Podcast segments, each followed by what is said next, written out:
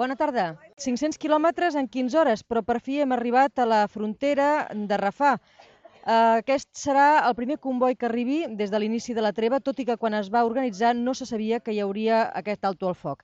Hem de dir que el camí fins aquí ha estat ple de dificultats, no només per la durada del viatge, que havia de ser de 5 hores només, sinó per eh, tots els controls eh, de l'exèrcit que ens han impedit en diverses ocasions els accessos a la carretera que ens portava fins aquí. Alegaven motius de seguretat i el, parlaven també de possibles atacs de terroristes beduïns. La gota final l'ha posat una tempesta, la pedregada del segle, que ha sigut la que ens ha impedit connectar amb vosaltres en l'anterior ocasió.